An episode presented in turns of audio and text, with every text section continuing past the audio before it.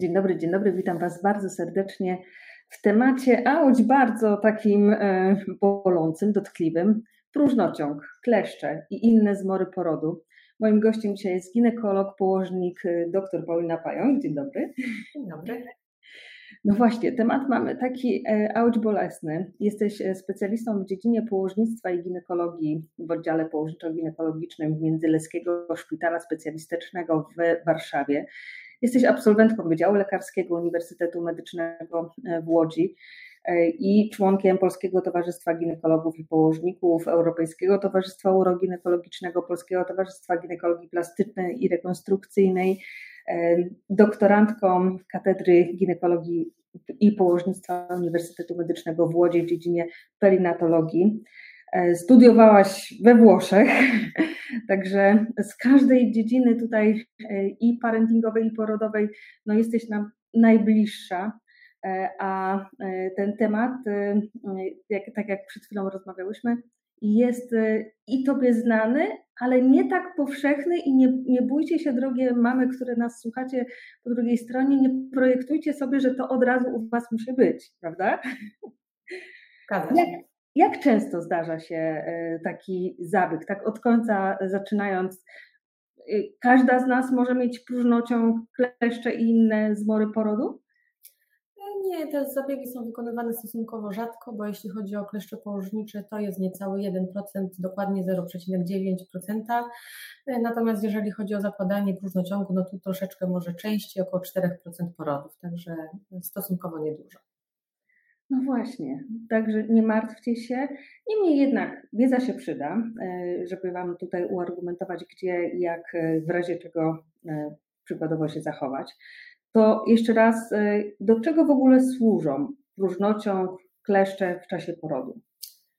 Zarówno próżnociąg, jak i kleszcze położnicze to są narzędzia medyczne, które służą do wydobycia główki płodu w czasie porodu, kiedy matka już nie może tego wykonać siłami natury, a zaawansowanie porodu w kanale rodnym jest na tyle duże, że na wykonanie cięcia cesarskiego jest już za późno.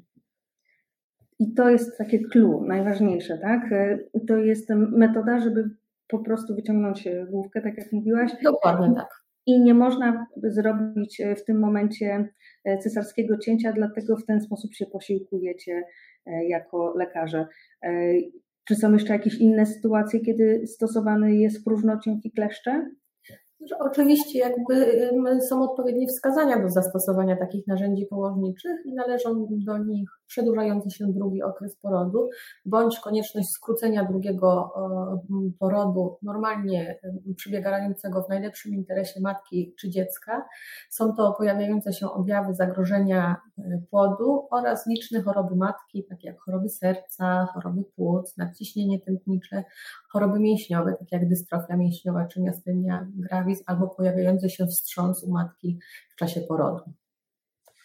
A czy istnieją jakieś przeciwwskazania do ich stosowania, czyli e, na pewno nie mogę ich mieć.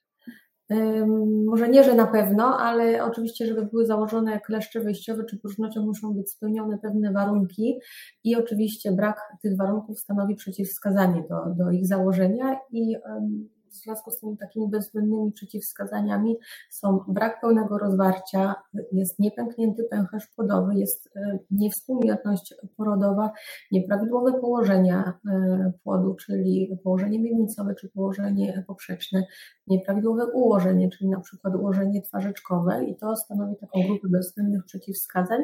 Natomiast są również przeciwwskazania względne, do których między innymi e, należy niedojrzałość płodu, dlatego że żeby założyć te narzędzia położnicze płód powinien być w wieku powyżej 34 tygodnia ciąży i ważyć więcej niż 2,5 kg. To jest występowanie y, asynklityzmu, to są y, ułożenia czołowe czy nadmierne odgięciowe płodu, to jest brak współpracy z rodzącą czy brak czynności skurczowej mięśnia macicy. Mogą też stanowić e, wady układu kostnego, czyli zbyt, e, zbyt taka cienka pokrywa e, kostna czaszki, czy po prostu nieprawidłowa budowa czaszki. A jaka jest różnica, kiedy będzie próżnociąg, a kiedy będą użyte kleszcze? Tak wiesz, żebyśmy to zrozumiały.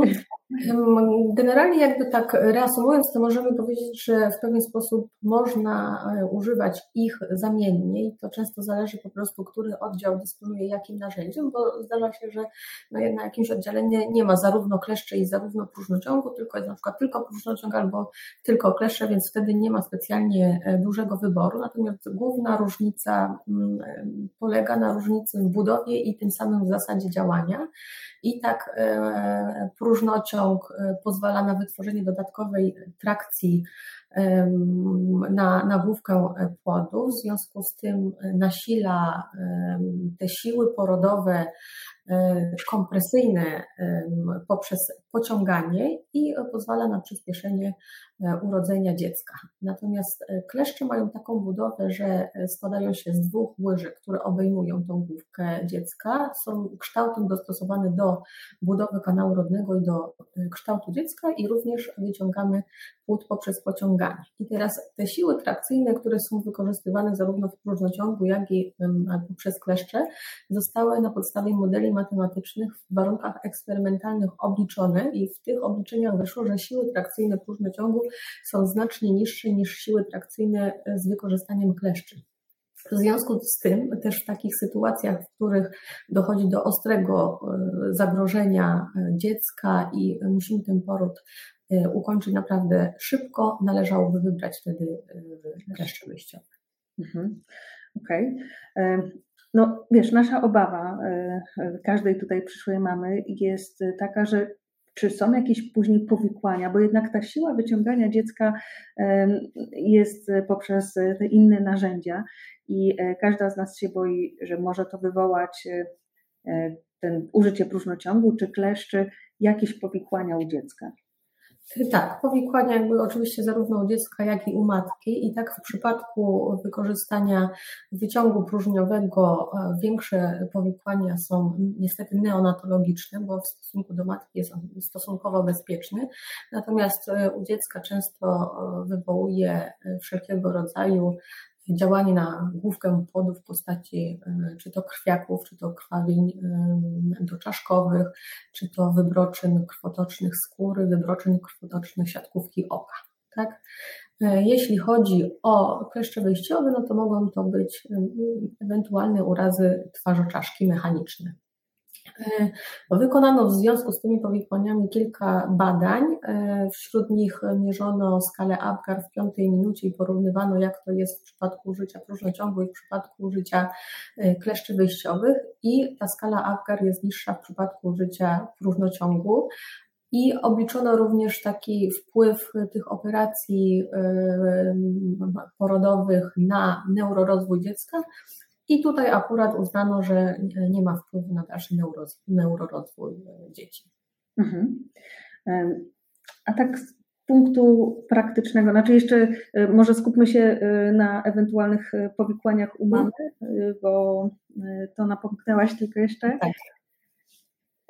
No, tutaj jakby sytuacja wygląda odwrotnie, tak? Bo tak jak mówiłam, próżnociąg dla mamy jest bezpieczny i powikłania w większym stopniu niż, niż po prostu przy porodzie pochwowym nie występują. Mogą to być oczywiście urazy pochwy, które występują w 1,5% czy naddarcia szyjki macicy, które występują w 0,5%.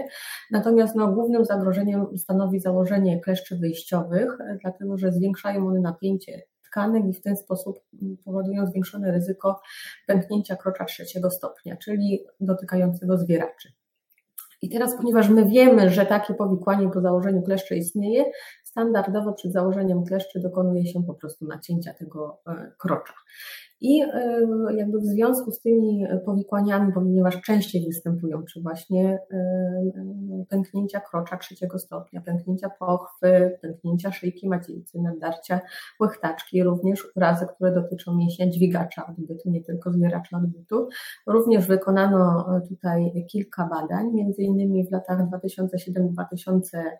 2007-2013 wykonano takie retrospektywne badanie kohortowe na grupie aż 660 kobiet w dwóch ośrodkach trzeciej referencyjności, gdzie sonograficznie oceniano uszkodzenia mięśnia dźwigacza odbytu i mięśnia zbieracza odbytu i faktycznie potwierdzono, że w ośrodkach z większym odsetkiem użycia operacji kleszczowej częściej dochodzi do urazu tych e, mięśni. Tak?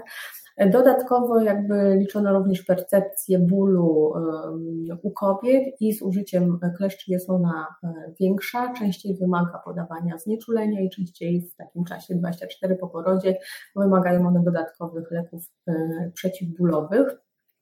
Również podejmowane są próby badania wpływu operacji kleszczowej na występowanie w przyszłości wysiłkowego nietrzymania moczu i obniżenia narządów niemicy mniejszej i no, część badań sugeruje, że operacja kleszczowa może mieć wpływ na występowanie tych dolegliwości, natomiast one są tak wieloczynnikowe, że też jednoznacznie nie można tego stwierdzić.